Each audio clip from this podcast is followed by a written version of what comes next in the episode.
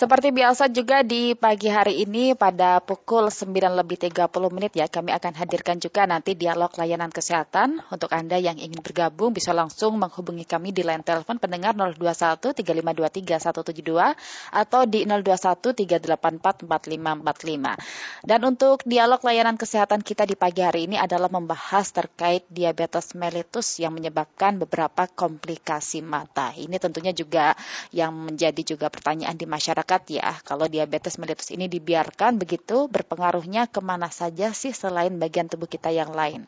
Nah, salah satunya adalah mata pendengar di mana gula darah yang terus dibiarkan tinggi tak terkendali ini juga dapat mengganggu fungsi organ-organ lain. Salah satunya adalah mata. Jadi untuk lebih jelasnya nanti kami akan terhubung dengan uh, narasumber kita di pagi hari ini dan kami akan hadirkan segera dialog layanan kesehatan untuk Anda.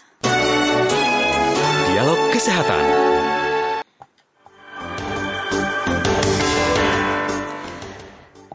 Ya, narasumber saya pendengar di pagi hari ini adalah Dr. Dr. Gita Lisa Andayani, SPMK dari Departemen Mata. Kita sapa pada pagi hari ini. Dr. Gita, apa kabar? Apa kabar, Mbak ya, Andela? Luar biasa baik dan juga sehat hari ini. Dokter Gita sendiri seperti apa ini kabarnya, dok?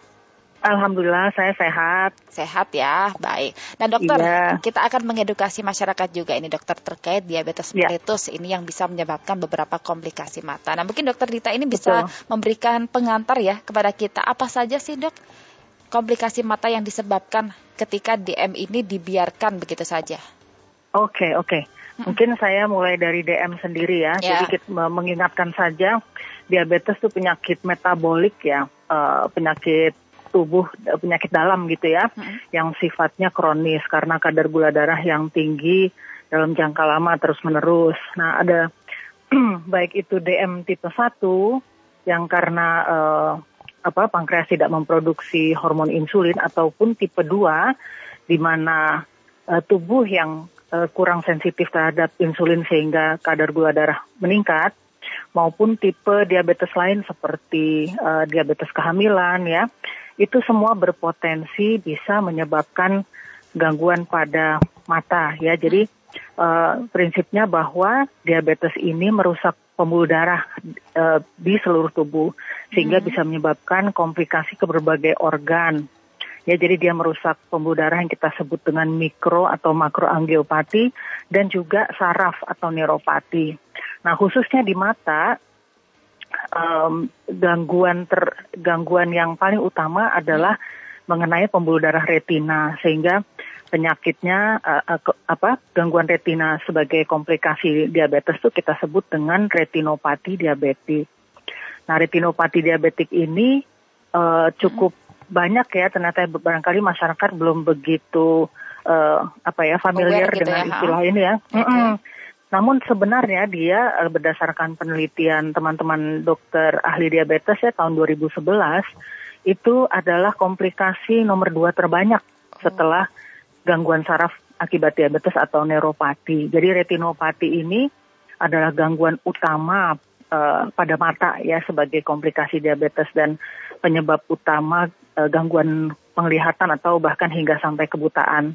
Hmm. Ya jadi kira-kira kejadiannya seberapa sih? Nah sekitar 35 persen dari semua pasien diabetes ya baik itu tipe 1, tipe 2 maupun uh, tipe lain gitu ya. Hmm. Itu bisa berpotensi ada komplikasi retinanya. Tadi retinopati diabetik. Hmm.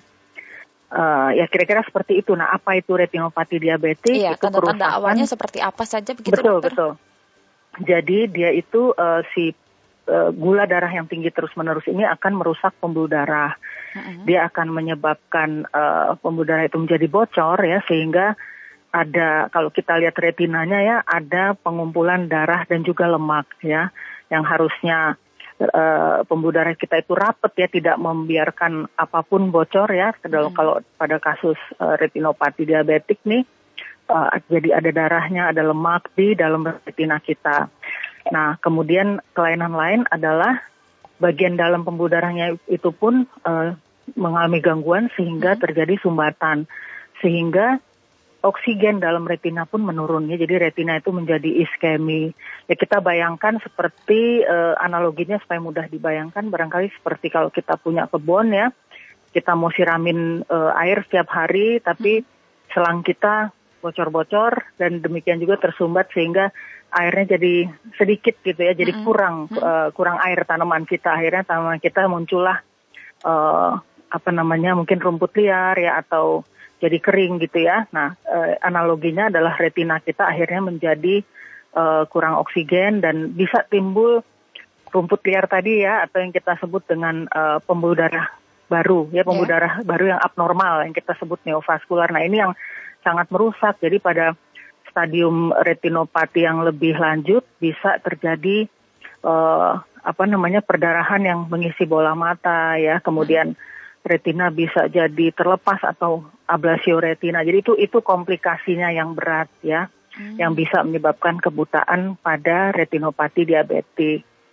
Oke, tapi uh, ini bisa dilihat secara uh, langsung begitu, tidak sih dokter? Ketika, nah jadi, mm -mm, jadi jadi nah ini dia nih uh, sedikit apa kesulitannya adalah kadang-kadang pada saat retina itu sudah menunjukkan kelainan, yeah. uh, pasiennya belum merasakan gejala apa-apa ya, jadi dia belum oh. ada keluhan apa-apa ya, jadi uh, merasa penglihatannya belum ada gangguan, ya masih bisa melihat dengan jelas, masih bisa baca, masih bisa lihat HP gitu ya.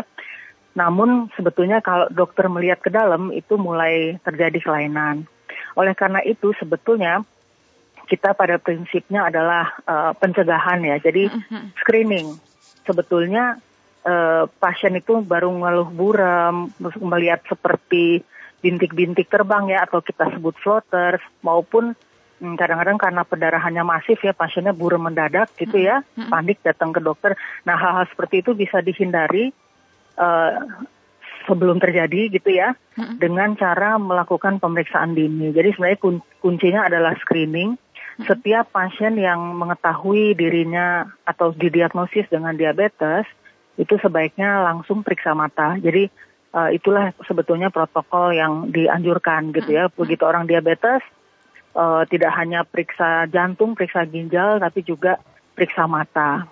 Periksa mata. Setidaknya setahun sekali setahun sekali. Nah ini dokter, kalau mm -hmm. untuk kasus yang ada di Indonesia tadi kan dijelaskan ini juga cukup tinggi ya kasusnya ya terkait ya, betul. Uh, diabetik ini ya. Nah ini banyak menyerang mm -hmm. kalangan usia berapa saja dok? Oh ya benar. Jadi uh, sesuai dengan diabetes ya, diabetes itu kan uh, biasanya kena usia sebetulnya usia masih produktif ya. Yeah. Di atas 30 tahun tuh udah bisa kena. Nah, untuk uh, retinopati diabetik ini sendiri biasanya kena golongan usia 20 sampai 64 uh, sampai 65 tahun ya. Jadi mm.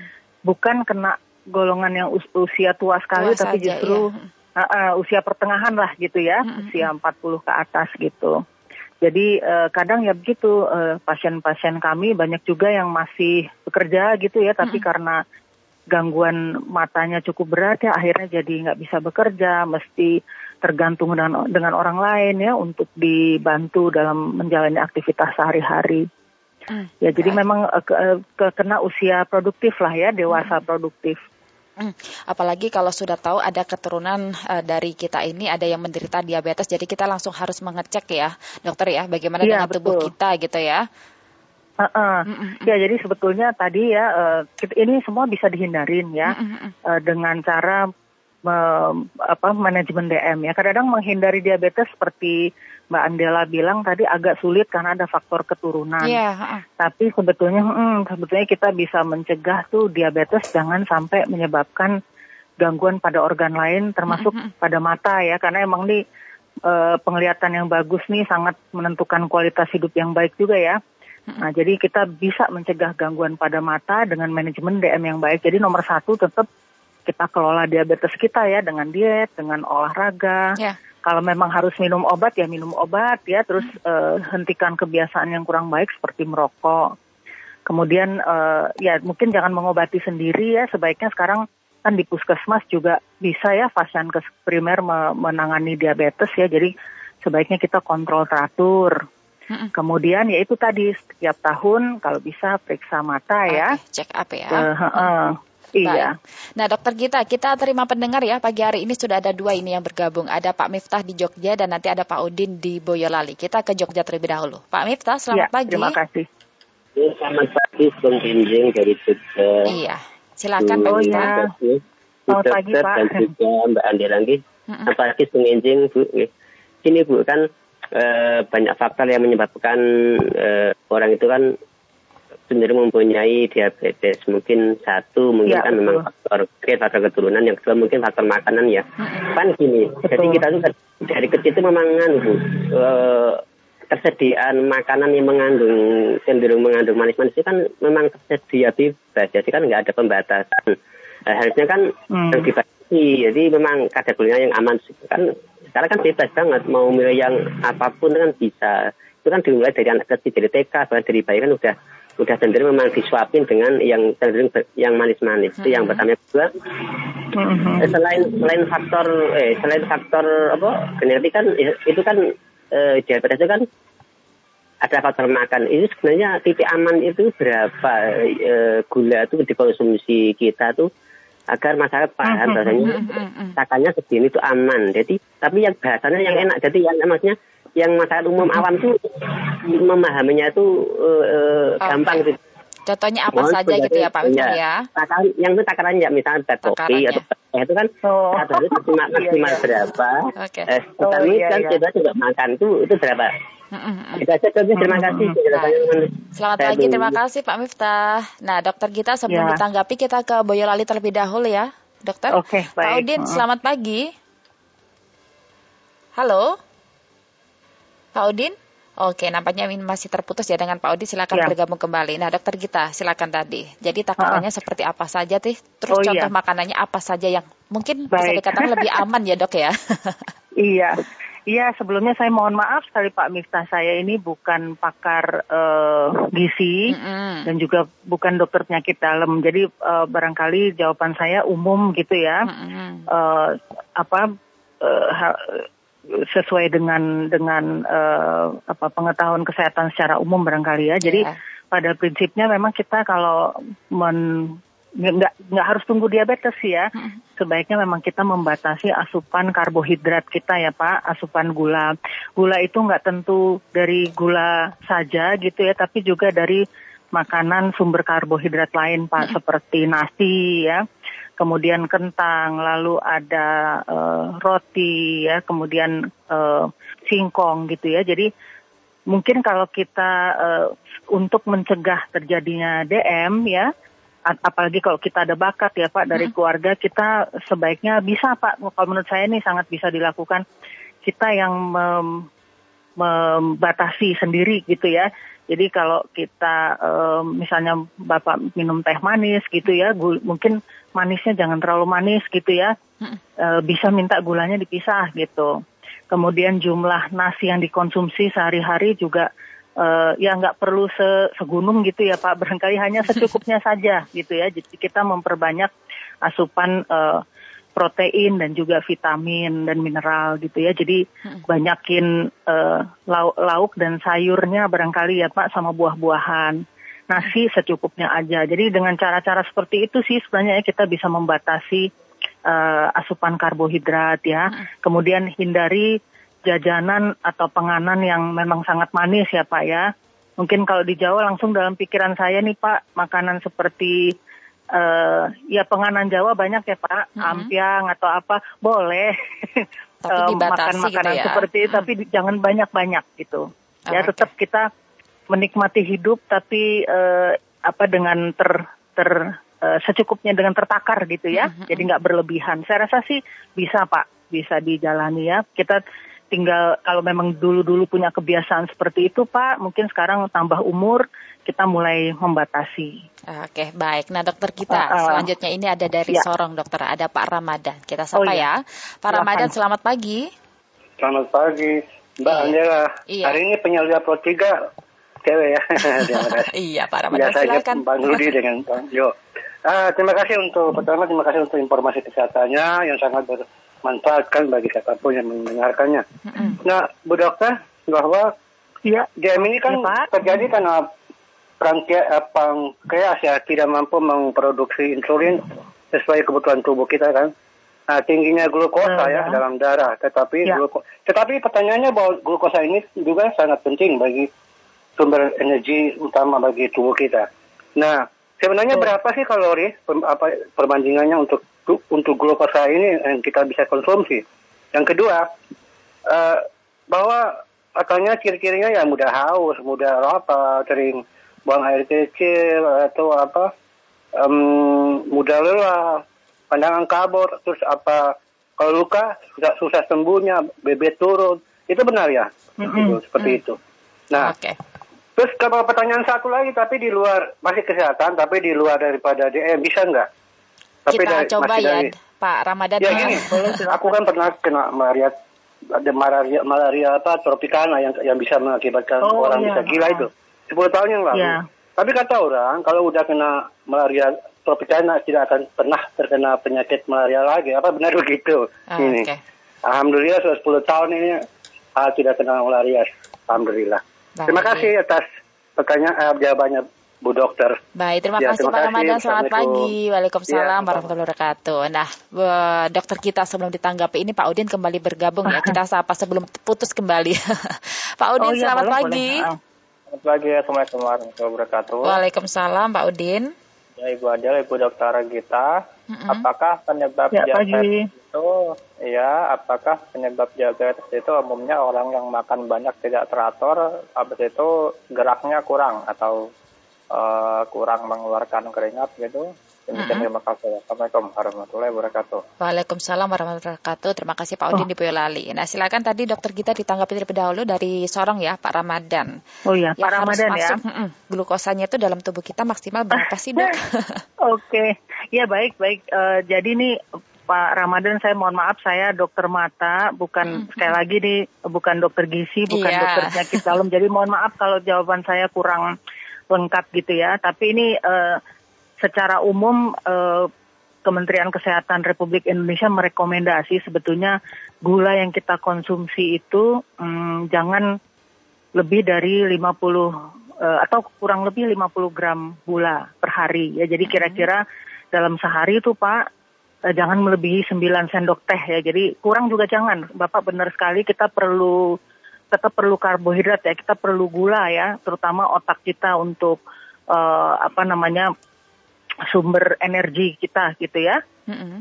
Kemudian uh, jumlahnya seberapa ya kurang lebih 5 sampai 9 sendok teh Pak atau kalau kita uh, konversi dalam kalori itu kalau tidak salah sekitar kalau orang dewasa rata-rata tuh kurang lebih 2000 kalori Pak. Mm. Yang kita uh, dapat memang terutama dari karbohidrat ya. Jadi kurang lebih mudah-mudahan menjawab ya Pak ya. ya. Uh, kalau lebih da- Bapak lihat sendiri kalau memang lebih dari segitu dalam sehari ya coba di mulai sekarang dikurangi ya. Mm-hmm. Mungkin sekali minum teh itu teh pagi sama teh sore atau kopi mungkin uh, gulanya jangan lebih dari dua sendok teh ya barangkali ya dua atau tiga gitu ya. Mm-hmm. Karena ada sumber kalori yang lain yaitu uh, ya nasi, kentang ataupun singkong gitu ya. Nah kemudian uh, pertanyaan kedua tadi gejala diabetes ya? Iya. Yeah. Mohon maaf. Ya, jadi gejala ya salah satu gejala diabetes memang uh, malam-malam tuh sering apa? Sering minum karena haus gitu ya, terus banyak makan, lalu malam-malam banyak kencing juga ya. Jadi kalau memang kita memiliki eh, gejala-gejala uh, seperti itu sebaiknya lakukan check up ya. Mm-hmm. Kita bisa memeriksa uh, kadar gula darah kita atau berkonsultasi dengan dokter. Ya, paling nggak dokter di Fasiankes primer ya, mereka pun uh, bisa melakukan pelayanan untuk uh, deteksi diabetes.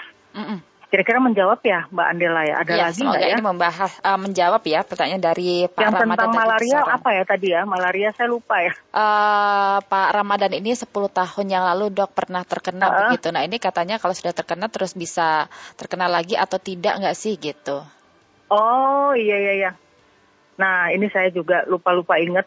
Tapi setahu saya bisa ya. Jadi makanya kalau uh, uh, di daerah endemis gitu ya, kita uh, memang kadang-kadang perlu mengkonsumsi ini ya, uh, apa namanya obat malaria secara berkala ya. Mungkin yang lebih penting ya mencegah ininya ya, apa namanya prevensi ya Pak, mencegah jentik nyamuknya karena kan dia uh, vektornya kan uh, nyamuk ya, nyamuk uh, Aedes aegypti kalau saya nggak salah ya. Ya. Yeah.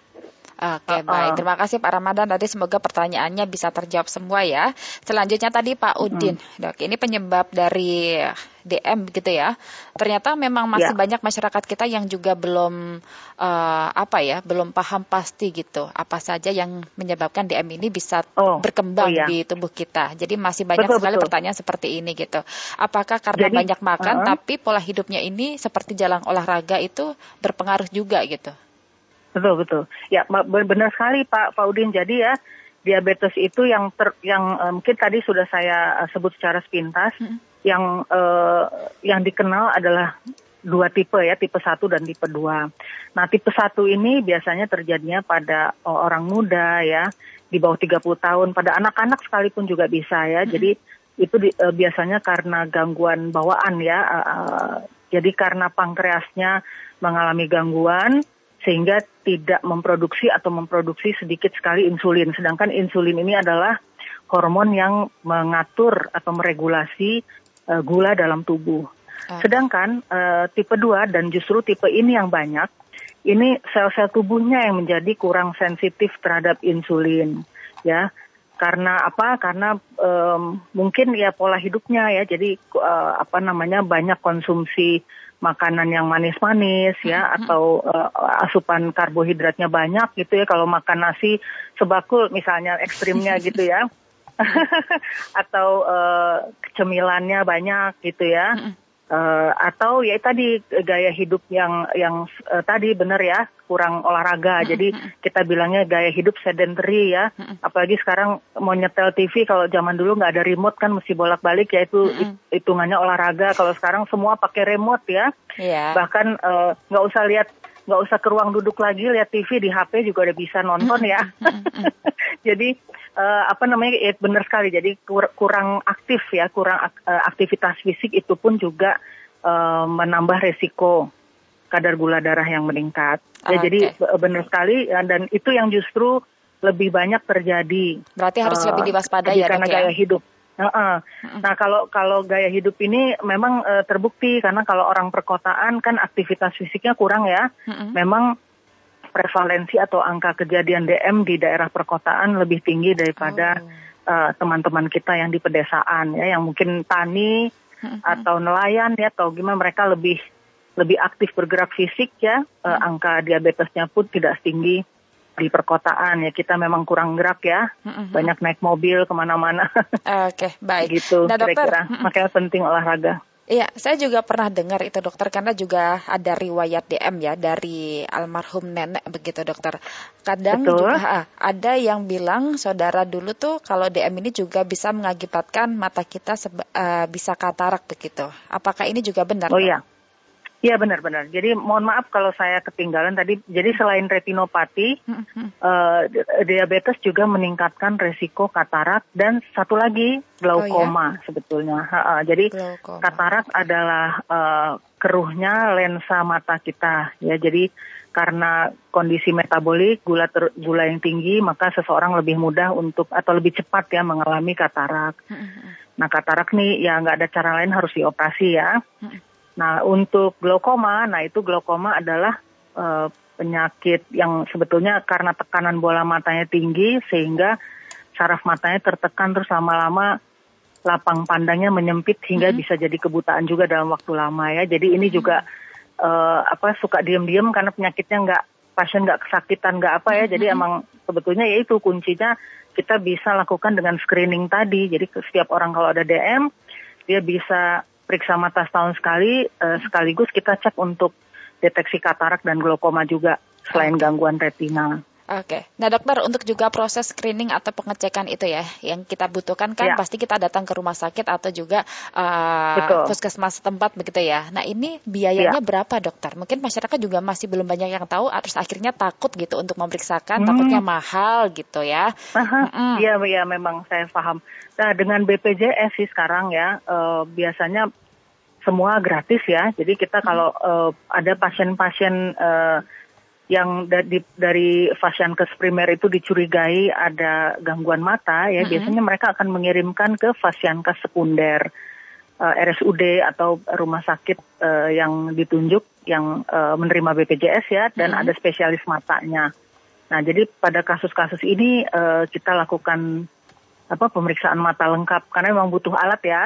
Hmm, nah, nantinya sih uh, mungkin nih ke depannya saya sharing saja kita uh, akan apa ya melakukan screening dengan lebih masif gitu ya dengan teknologi. Jadi mungkin di masa depannya mudah-mudahan ya ada ada kamera retina ya kita bilangnya oh. kamera fundus. Ya. Uh -uh, sehingga kita bisa uh, melakukan foto pada pasien-pasien ini setahun sekali gitu ya. Uh, dan hasilnya juga nggak perlu pasiennya ke sana tapi bisa di bisa dikirim ke dokter yang membaca mm-hmm. ataupun nantinya nih uh, mungkin menerapkan artificial intelligence sehingga bisa diseleksi gitu pasien-pasien mana yeah. yang perlu dilakukan rujukan ke, ru ke rumah sakit yang lebih tinggi. Oke, baik. Berarti dan hal yang mendapatkan pertama, terapi. Oke, hal yang mm -hmm. pertama harus kita antisipasi adalah juga mengecek bagaimanakah kadar gula yang ada dalam tubuh kita ya, ya sebelum kita mengobati katarak, mengobati mm -hmm. tadi uh, retinopati diabetik dan juga glaukoma itu ya dokter ya. Kita harus aware ya. terlebih dahulu. Gratis ya dok ya? ya? Untuk pengecekan mata Kalau ini? dengan BPJS gratis. BPJS, dengan BPJS okay. gratis. Berarti masyarakat oh. juga sudah dimudahkan ya dengan adanya mm -hmm. screening ini ya. Baik. Yeah. Dokter kita, terima kasih dokter untuk waktunya sudah berbincang dengan kami pagi hari ini dokter. Semoga masyarakat ya, ini lebih sama-sama. teredukasi dengan adanya uh, jawaban-jawaban uh, dari dokter kita tadi ya. Ya, terima kasih atas okay. kesempatannya. Ya, selamat pagi dokter, selamat melanjutkan ya. aktivitas. Terus uh, selamat pagi Mbak Andela, sehat iya. selalu. Luar biasa. Dan pendengar kasih, semua juga. Iya, makasih.